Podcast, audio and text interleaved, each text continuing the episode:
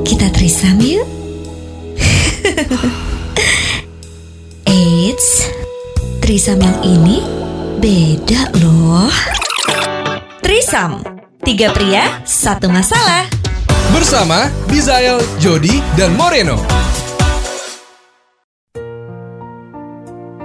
Welcome back to Trisam Tiga pria, satu masalah. Seperti biasa hari ini kita akan kembali membahas tentang personal story eh, setelah dua episode sebelumnya personal story-nya Billy udah, Hmm. gua juga udah. Dan sekarang giliran Moreno. Harinya Moreno. Iya. Gimana Mor? Ada cerita apa Mor? Kali ini gue mau cerita tentang em, pengalaman hidup gue, khususnya tentang the struggle in my family gitu. Hmm, Jadi em, Oke, terus? struggle yang gue hadapi selama hidup gue dari kecil sampai even sampai sekarang pun gue masih struggle dengan my family gitu. Ya jadi gue lahir dari keluarga yang nggak harmonis. Em, dari kecil gue udah tahu dari kecil itu dari umur berapa ya dari istilahnya dari dari saat gue kita udah mulai ngerti lah mulai ngerti tentang kayak you already can memorize thing Ya. Hmm, dari umur berapa itu kira-kira aja umur 5 6 tahun lah ya. Ya, umur Kisaran lima, kisaran enam tahun. segitu lima Ya itu Iya. itu gue udah ngerti kalau oh my family ini nggak harmonis nih Ya, gitu. ah, ah. Jadi bokap nyokap gue sering bukan sering berantem ya tapi ka- lebih ke arah my mom yang yang nggak bisa handle emosinya bokap gue gitu. Bukan nggak bisa handle tapi bokap gue yang eh, diktator dan emosional dan everything bad yang you can have di seorang ayah itu ada di bokap gue Hmm. gitu. Oke, ah, ah. Jadi eh, gua gua bisa merasakan struggle-nya nyokap gue dari dari umur gua kecil, gua udah bisa ngerti how struggling my mom is untuk menghadapi bokap gue Mhm. gitu. Jadi dengan dengan attitude-nya dia yang dominan, dengan attitude-nya dia yang yang kasar, dengan his bad attitude di luar rumah Ah. gitu. Ya anggaplah dia eh, player lah gitu. Eh sorry, ini kasarnya secara mental atau physical atau mungkin dua-duanya? Dua-duanya. Dua-duanya. oke. dua-dua ya jadi ya bokap gua bokap gua orang yang sangat kasar eh, ke towards my mom juga towards anak-anak juga gitu Lo berapa bersaudara sih? gue bertiga jadi eh, gua kakak gua cewek gua Ah. anak kedua adik gua cowok gitu jadi dari kecil eh, gua udah ngerasain tuh yang namanya em, bokap gua eh, sering mukul mukul Hmm. mukul nyokap gua mukul kita semua anak-anak juga dan gitu jadi dari situ gua udah kayak gila gue punya keluarga kok kayak gini banget ya gitu Hmm. Hmm. dan gua one thing yang gua gua gua salut dari keluarga gua adalah only my mom gitu. Jadi dia yang mau kayak menahan Emosi. emosi dan menahan menahan keinginan pribadinya dia untuk our family stay together gitu. Hmm. Jadi dia yang mau mengorbankan semua hal untuk ya udah gua terima semuanya perlakuan suami gue asal keluarga ini tetap utuh, tetap utuh. gitu Iya iya iya iya iya. Ah. gitu jadi ya udah jadi gua grow up dari family yang yang kayak gitu yang gak utuh jadi gue tuh kalau ngelihat gue nganggap bokap gue tuh nggak ada sebenarnya kayak karena gini jadi intinya bokap gue adalah jadi dia punya perusahaan eh, kontraktor dia, jadi dia Hmm. seorang kontraktor dia punya perusahaan eh, membangun sekolah jalan segala macam gitu gitu Iya. jadi dia selalu kayak di luar rumah gitu kerjaannya jadi dia Ah. selalu ada di site di Hmm, proyek hmm. di site proyek proyek site gitu jadi dia selalu jadi di rumah tuh kayak weekend gitu loh cuman Ah, weekend Oke oke oke. Ah. gitu jadi gue selama selama gue tumbuh gue selalu gue lebih banyak waktu gue habiskan dengan orang dengan nyokap, Nyokap lo gitu. daripada bokap lo ya. iya Ah. gitu jadi gue ngelihat bokap gue itu kayak eh, bad person aja gitu jadi gue udah Hmm. benci bokap gue dari kecil gitu Ka- karena setiap kali dia pulang ke rumah itu nggak ada eh, kesan positifnya buat gue gitu jadi Oke, gue that's gue selalu kayak I really hate this guy Hmm, gitu. hmm, hmm, hmm. gitu. jadi gue punya kepahitan gue punya kebencian terhadap bokap gue Itu dari umur 5 tahun 6 tahun tuh. lima ya lima tahun gue udah mulai sadar tapi kebencian tuh gue mulai rasain eh, waktu SMP kayaknya. S dari udah dari mulai akhir SD ke SMP gitu. Masuk-masuk masa pubertas kali iya itu iya ya. kar Ah, iya. Beruntungnya gua adalah gua pas SMA gua nggak tinggal sama mereka Lo udah ngerantau. gua tinggal di boarding school gitu. Boarding school di Oke. Di Bali.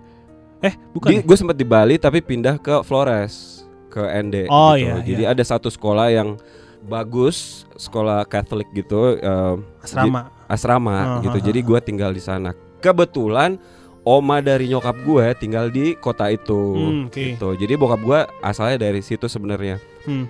Maksudnya keluarganya asal dari situ. Jadi Iya. akhirnya gue dikirim. Tadinya gue di, di, di- ki- mau dimasukin ke SMA Taruna Nusantara, Itu di mana ya? Di Magelang. Magelang. Oh, Magelang. Lo jadi akpol gitu dong. Iya, tapi Oh. SMA-nya dari Oh, situ oh, iya, baru iya, masuk iya, ke iya, iya, Akpol. iya, iya, iya. Jadi pada saat gua tes segala macam gitu ternyata gua nggak lulus. Jadi bokap gua tuh kayak kecewa banget sama gua Hmm, gitu. hmm, hmm. Padahal dalam hati gua gua lebih kecewa sama lu nyet gitu. Iya, iya, iya, gue ngerti. Ya Hmm, akhirnya gua akhirnya dipindahin di sekolah yang itu. hmm. Eh, which is sebenarnya gua kayak bersyukur karena gua kayak ah, akhirnya gua bisa jauh dari eh, drama-drama keluarga gua yang yang gua kalau tinggal di rumah tuh eh, bisa hadapin tiap hari gitu. Ah. Gitu. Jadi gua tinggal di asrama tapi gua tetap mendengar eh, kalau bokap gua tuh nggak berubah gitu. Bahkan bahkan lebih menjadi lebih parah. Jadi pada pada saat gua SMA itu bokap gua akhirnya nggak pulang-pulang ke rumah lagi selama lima tahun Sama sekali. sama, sama sekali. sekali. Jadi Tapi tapi ma- sorry, tapi masih ini masih gak?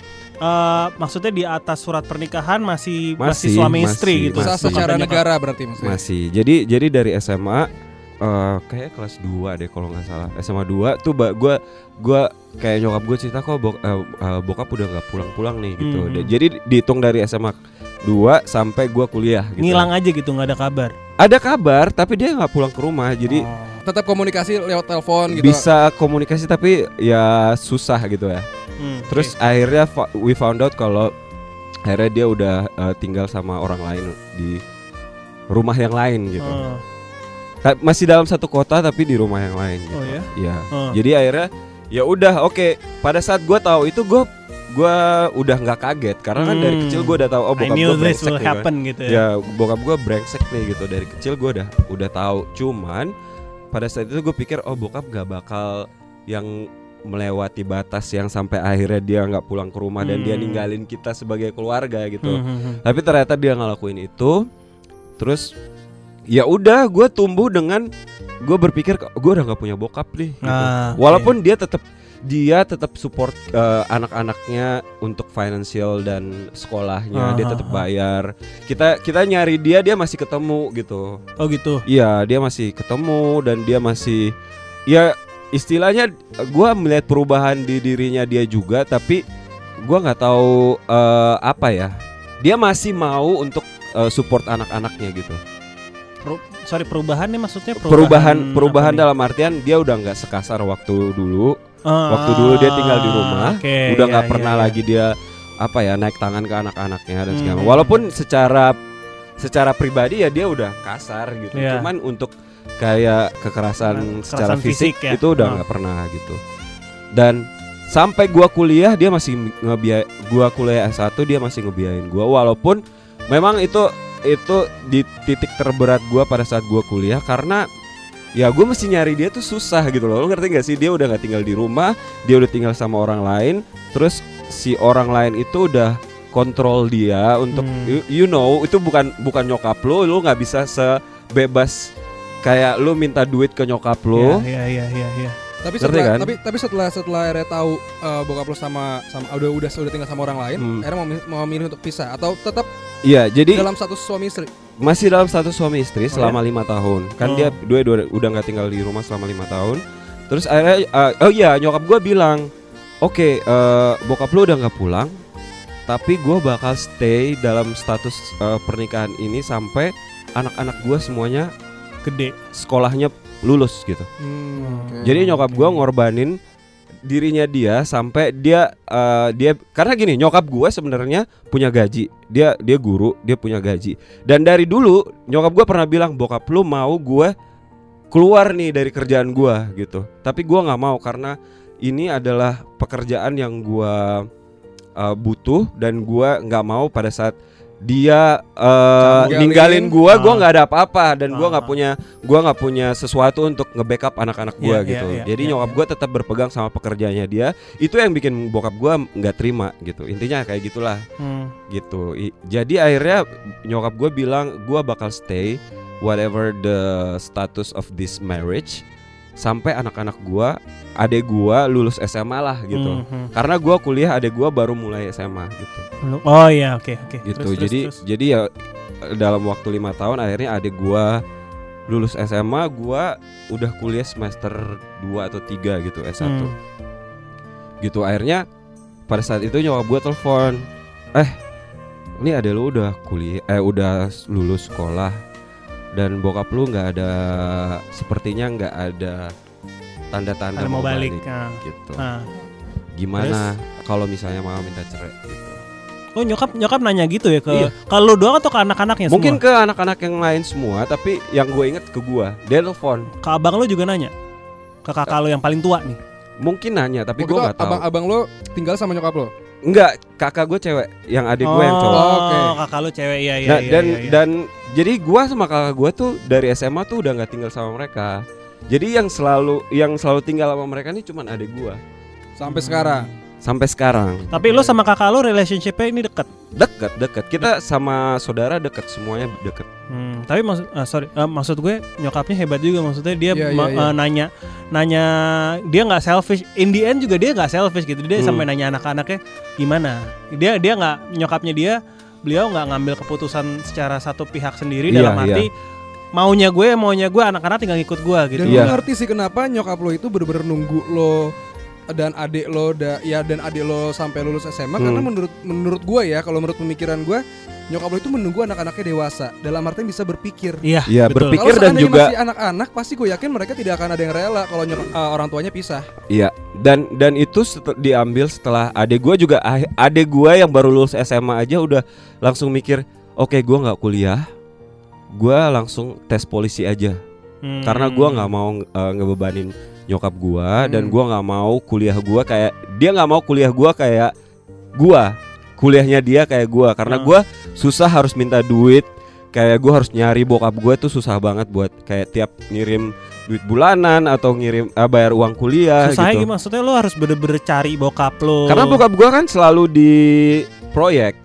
Oh, selalu di proyek. terisolasi dari komunikasi iya gitu ya? selalu terisolasi di, dari komunikasi. Dan juga kalau misalnya kayak gitu gua harus nelfon ke istrinya.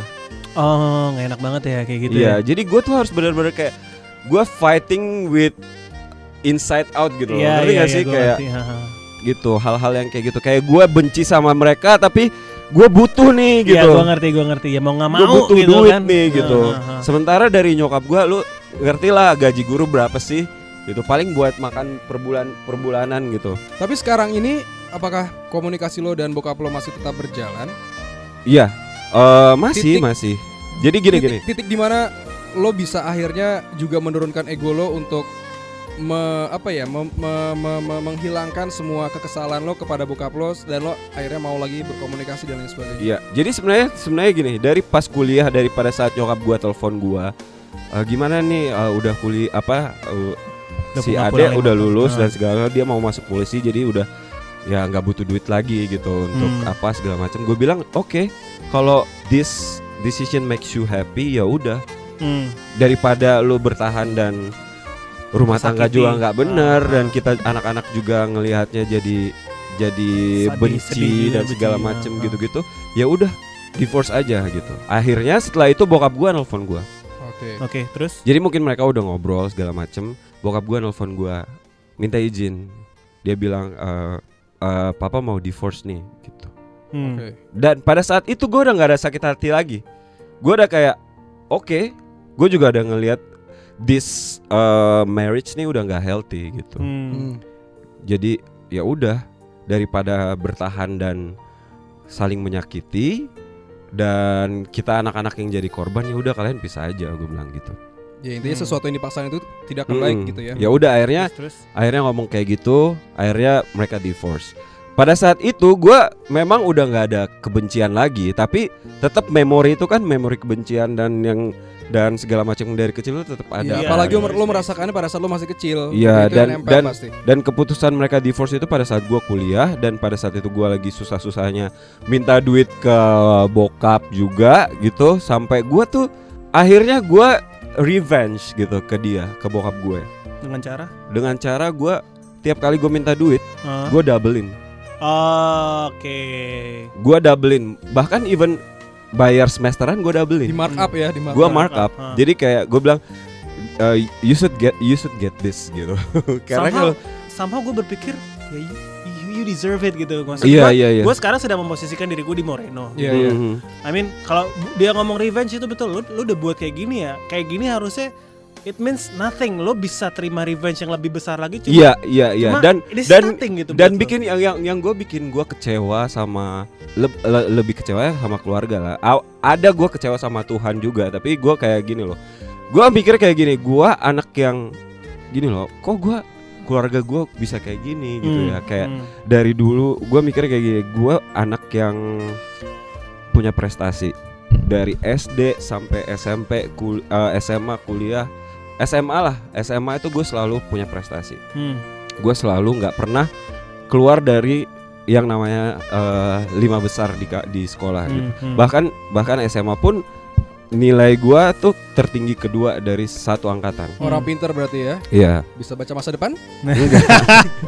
Dukun kebetulan Pak, saya itu minum kebetulan minum Pak. tolak angin Terus terus gitu terus. jadi akhirnya gue sampai benci tuh karena gitu loh kok gua yang gua yang dengan kondisi baik-baik aja nih. Maksudnya kayak gua bukan anak bandel nih gitu. Hmm, tapi kenapa gue dapet dapet family yang kayak gini gitu? Hmm. gue punya punya ada satu kepahitan kayak gitu. Dan gua ngerasa gini kenapa gue yang yang yang ada di posisi itu gitu loh? Sementara gini Iya. gua dan pada saat kuliah gue tuh ngerasa gue tuh punya insecurity dan juga gua kayak jealous sama orang-orang lain. Karena gua ngerasa gila gua kalau keluarga gua harmonis gua bisa nih kayak anak-anak yang lain nih Iya, gue bisa iya, punya iya, mobil iya, iya, iya, iya. kuliah pak kuliah pakai mobil pakai Hmm. apa itu semua itu ada cuman karena keluarga gua yang gak harmonis jadinya gue Tidak bisa mendapatkan tidak bisa semua. mendapatkan fasilitas-fasilitas Iya, itu ngerti, gitu loh ngerti, ngerti. yang akhirnya ya gue beruntung pada saat kuliah itu gue mulai ada kayak job-job freelance kayak gue mulai dari dari ngedance hmm, hmm. jadi dari dance gue dapat gue mulai dapat job iklan. Hmm, hmm. dari iklan akhirnya dapat MC eh, hosting dan segala macam dari gue pada saat itu akhirnya membentuk gue untuk oke gue belajar untuk lebih mandiri deh. Gue nggak mau bergantung sama bokap gue gue nggak mau punya drama family drama lagi yang mempengaruhi kehidupan gue gue akhirnya push myself untuk mencoba untuk cari networking cari kerjaan di luar dan segala macem. Sampai akhirnya gue eh, lulus S1 dan memutuskan untuk S2. belum belum S2 dulu. Jadi gua gua lebih banyak kerja dulu cari duit dengan du- uh, sampai gua menghasilkan duit sendiri. Dan dari dari pertengahan S1 gua udah udah udah dapat duit udah dapat duit sendiri. Jadi jadi gua udah nggak terlalu bergantung sama duit dari bokap gitu. Hmm. gitu. Jadi sampai akhirnya gua gua berdamai dengan diri gua sendiri gua berdamai dengan keluarga gua gua mencoba untuk memaafkan bokap gua.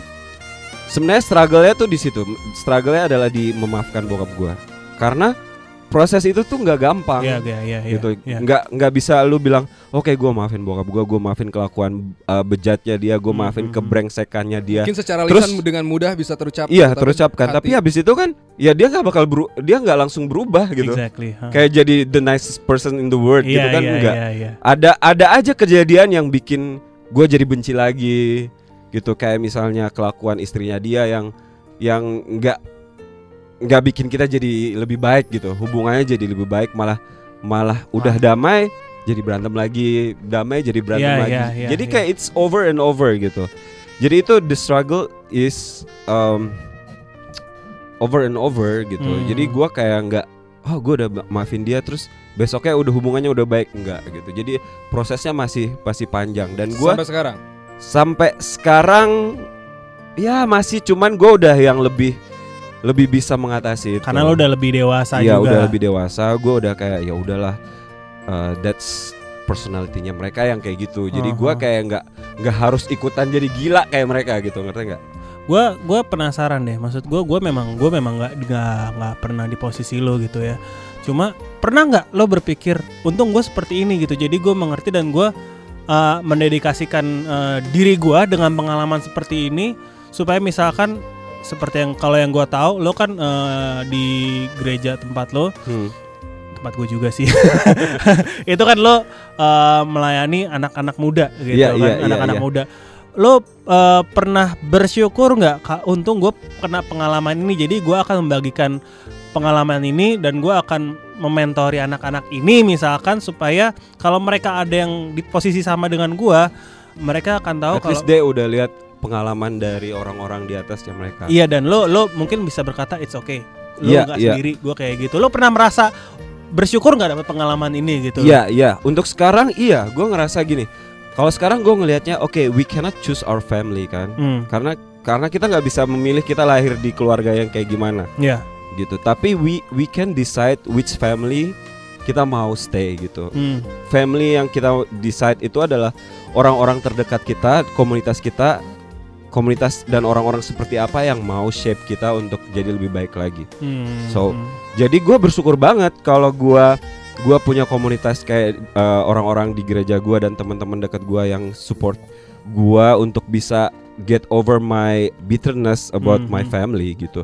Dari situ gue jadi oke, jadi gua bisa kalau gua bisa eh, forgive my family, gua bisa eh, dan gua mau orang-orang yang mungkin eh, mengalami hal-hal yang sama kayak gua Mhm. untuk bisa get over it juga gitu Hmm. bisa me- bisa mengampuni keluarga bisa mengampuni that person yang menyakiti lo gitu Ah, ya, ya, Jadi, ya. dari situ gua berusaha untuk oke gua mau share tentang masalah hidup gua dan gua mau orang-orang bisa belajar dari dari, Dari pengalaman, pengalaman hidup Lo. gitu gitu Iya ya. Jadi mungkin kalau misalnya gue ngelihat pelajaran yang bisa diambil pertama dari nyokap lo, nyokap lo begitu kuat. Maksudnya gue sangat-sangat kagum dengan pernyataan dia tidak mau keluar dari pekerjaannya karena nanti kalau seandainya ditinggalin mau apa ya ini Iya. juga mungkin pelajaran Iya. untuk Hmm. wanita-wanita di luar sana. betul betul Di saat betul lo mungkin dilarang eh, masih pacaran lo dilarang untuk bekerja atau mungkin masih pacaran lo dilarang untuk apa dan lain sebagainya. Mendingan jangan deh lo pikir-pikir Iya. ulang karena Iya. lo tuh bekerja juga untuk diri lo sendiri artinya Betul. lo bisa berdiri di kaki lo sendiri tidak terus memakan uang suami gitu ya Hmm, oke betul. kalau misalnya kalian berdua bekerja ya alhamdulillah rezekinya akan lebih banyak. Iya. tapi kan pada saat lo bisa menghidupi diri lo sendiri dengan uang lo sendiri itu akan jauh lebih membahagiakan gitu. Iya. dan dan gue bersyukur banget gue punya nyokap yang seperti itu karena kalau nyokap gua nggak seperti dia gua nggak tahu gua udah jadi seperti apa Hmm. karena Iya. banyak banget kita lihat eh, orang-orang di luar sana yang begitu stresnya sama masalah keluarga mereka udah jadi yang kayak gimana gitu eh, yang lebih rusak gitu kan gua nggak bilang hidup gua baik tapi ya banyak banget orang yang karena eh, have broken family dia mereka Ke jadi arah yang rusak. salah. ya ke arah yang salah. Oke gua juga punya pengalaman. Ya. kayak gue juga pernah drugs juga tapi itu nggak lama. Gua ngerasa bersyukur banget karena gua punya gua gua ngerasa itu karena nyokap gua gitu. Karena gua dari kecil gua ngelihat the struggle of my mom yang misalnya kayak lu kebangun jam 4 pagi jam 3 pagi karena nyokap lu lagi doa sambil nangis-nangis. Hmm. gitu. Jadi sorry jadi gua em, bersyukur punya nyokap seperti dia karena karena dengan dia seperti itu dia bikin gua jadi lebih kuat gue Hmm. jadi gue jadi lebih kuat gue jadi em, nggak sebandel hasil nggak sebandel anak-anak hasil Ya. eh, broken family yang Yang lain. yang lain Ah, gitu ah, ah, jadi gue jadi gue jadi punya base yang bisa dukung gue yang kayak gue gua mendekatkan diri dengan Tuhan juga Hmm. gue ketemu dengan komunitas yang baik gitu yang bisa akhirnya bikin yang shape gue seperti sekarang gitu walaupun gue bandel tapi ada orang-orang yang tetap ngingetin nih gitu Ya. eh lu jangan kayak gitu lu jangan kayak gini lu jangan kayak gitu karena ya seperti yang gue bilang kalau komunitas dan orang-orang inner circle dan support system lo itu penting banget gitu Iya, iya. Iya, iya. Mungkin Gitu. ya itulah. Em, mungkin gini pelajaran yang bisa didapatkan juga kalau eh, mungkin Moreno meng- meng- menganggap bahwa ayahnya itu jahat gitu. Tapi harus ingat juga bahwa orang-orang jahat itu yang bisa memberikan kita pelajaran, yang bisa menguatkan Iya, kalau kita iya. hidup Iya, dengan betul, terus orang-orang baik, kita tidak tahu bagaimana caranya berbuat baik. Betul. Dengan Iya. adanya orang yang mungkin kita anggap jahat, siapa pun itu, itu justru bisa membuat kita Oke, gue nggak mau kayak dia. Atau mungkin bisa jadi mencerminkan, oke nanti kalau suatu saat gue berumah tangga atau mungkin gue pengen melakukan sesuatu, gue tidak mau melakukan hal yang sama Ya, gitu itu. sampai kejadian-kejadian buruk itu, Itu, terulang. itu, itu Benar yang- dan itu itu gue gue gue mendapatkan eh, understanding juga gimana gue melihat eh, bokap gue dan latar belakangnya dia. Hmm, Jadi oke. gimana dia di raise up gitu. Hmm. Terus gimana em, upbringingnya dia, Iya. keluarganya dia kayak how his father treat him gitu. Itu gue jadi akhirnya bisa melihat itu untuk mengerti dia Iya. Hmm. gitu. Iya, Jadi iya, gua gue ngerti. bukan yang bukan yang kebencian gue udah bukan yang kayak gue benci lu karena lu kayak gini, tapi gue bisa akhirnya oh ternyata dia dia gini karena bokapnya dia, keluarganya dia kayak gini ke Ada dia. latar belakang. Ada yang- latar Hmm. belakang yang shape dia untuk menjadi uh, sebuah pribadi yang seperti itu. Iya. Jadi akhirnya gue gua mencari tahu uh, latar belakangnya dia dan segala macam. Akhirnya gue bisa tuh mengerti. mengerti dia dan gue bisa memaafkan dia gitu. Oke. Karena- Iya, iya. Karena nggak ada orang nggak ada orang gila, nggak ada satu orang gila yang tiba-tiba kayak dia punya pribadi seperti ini karena dia mau kayak gitu. Iya, iya, Iya gua kan? Ha. Karena dia terbentuk oleh keluarga dia sebelumnya juga. Betul, gitu. betul, betul, betul. Ya, itulah makin yang gue lihat ya semakin lo dewasa lo akan semakin mengerti kenapa orang berbehave seperti itu gitu Iya, loh. Khususnya kalau orang itu berbehave eh, negatif gitu ya. Contohnya dalam kasus lo bokap lo, Hmm. semakin lo dewasa lo akan semakin ngerti gitu. Oh, iya ternyata begini dan lo itu akan muncul toleransi lo akan semakin tinggi gitu Iya, loh. iya. Dan Indian ya mungkin dalam proses memaafkan itu akan menolong lo untuk menjadi lebih mudah melakukan itu. Iya. Iya, pokoknya kalau untuk uh, buat lolo semua yang dengerin cerita ini, gua mau bilang kalau uh, there's no thing such as perfect family. Iya. Jadi kalian kalau lihat family orang lain lebih perfect dari family kalian, no. belum tentu. Belum Termasuk- tentu belum tentu mereka punya uh, struggle yang lebih ringan dibanding struggle. termasuk keluarga Halilintar. Giza. Gampar ya Jody ya. Jody gua gampar ya. Siapa pun, Oke. siapa pun. Itu dan ini yang yang yang, yang udah gue inget adalah em, mungkin di saat lo mempunyai masalah, jangan pernah lo sekalipun bertanya kenapa ke Tuhan. Iya. Karena di saat lo bertanya kenapa ke Tuhan, artinya lo tidak mau menerima cobaan dari Dia. Ya intinya Iya. apa pun yang terjadi, semuanya pasti ada alasan. Iya, Iya. Semuanya ada sesuatu yang Betul, bisa lo ambil, karena- bisa iya. menguatkan lo gitu. betul. Karena the- apa namanya Karena gue gue pun pernah pernah mengalami pernah mengalami itu kayak kenapa sih kok gue gini banget kenapa sih kok kayaknya nggak adil banget apa segala itu juga pernah Iya, gue iya, iya. gue pernah lalui. Karena nggak ada hal yang kebetulan di dalam dunia ini. Yes. Jadi kalau lu ngalamin ini, pasti beberapa tahun kemudian hal itu bisa berguna either buat lu atau buat orang lain. gitu. Ya, itu Iya, yang gue setuju. Gitu. Itu yang Jadi setuju. apa pun yang sedang lu alami saat ini, mungkin kalian juga ada yang struggle sama uh, masalah keluarga kalian. Jangan benci keluarga kalian, tapi berusaha untuk mencari tahu kenapa sampai uh, bokap lu seperti itu, nyokap lu seperti itu. Try to understand them karena mereka juga punya punya latar belakang yang mungkin kalian juga belum tahu sampai Iya. kenapa mereka seperti Iya, itu. dan kita belum pernah ada di posisi orang tua, jadi kita tidak pernah tahu bagaimana caranya menjadi orang tua. Betul Pak iya. Eko, betul. Oke, kalau begitu eh, begitulah sharing dari Moreno. Semoga bisa bermanfaat untuk orang banyak. Intinya kita bukan bermaksud untuk eh, istilahnya membuka aib keluarga sendiri, bukan. Enggak. Tapi ya begitupun dengan keluarga gue mungkin tidak ada yang sempurna. Gue pun pernah menjadi anak yang satu-satunya digampar sama bapak gue, pernah diseret di tengah jalan dan lain sebagainya. Ah. Tapi semuanya itu gue terima dengan baik. Gue bisa memaafkan diri sendiri dan juga diri eh, keluarga gue gitu ya. Iya, Yang penting iya. intinya adalah tetap bersyukur gitu apa pun yang lo dapatkan, apa pun yang lo rasakan ya. Iya, karena Iya. kalau misalnya lu nggak lu merasa nggak punya keluarga yang baik, lu bisa cari teman-teman dan uh, lingkungan yang bikin lu ngerasa punya keluarga dan orang-orang itu yang menjadi support system lu, Yes. bukan keluarga uh, blood blood. By blood. Family lah, Ah, ya. by blood, ya. Oke, kalau begitu kalau seandainya lo masih punya bis- eh, masih punya saran untuk pembahasan kita selanjutnya bisa langsung eh, mention ke Trisam underscore podcast atau direct message ya. Dan juga bisa ke Instagram kita masing-masing di @jody_endrarto. Gua Emorene Kristo, Dan gue Bizal Tanah Sali. tetap dengerin Trisam. Tiga pria, satu masalah.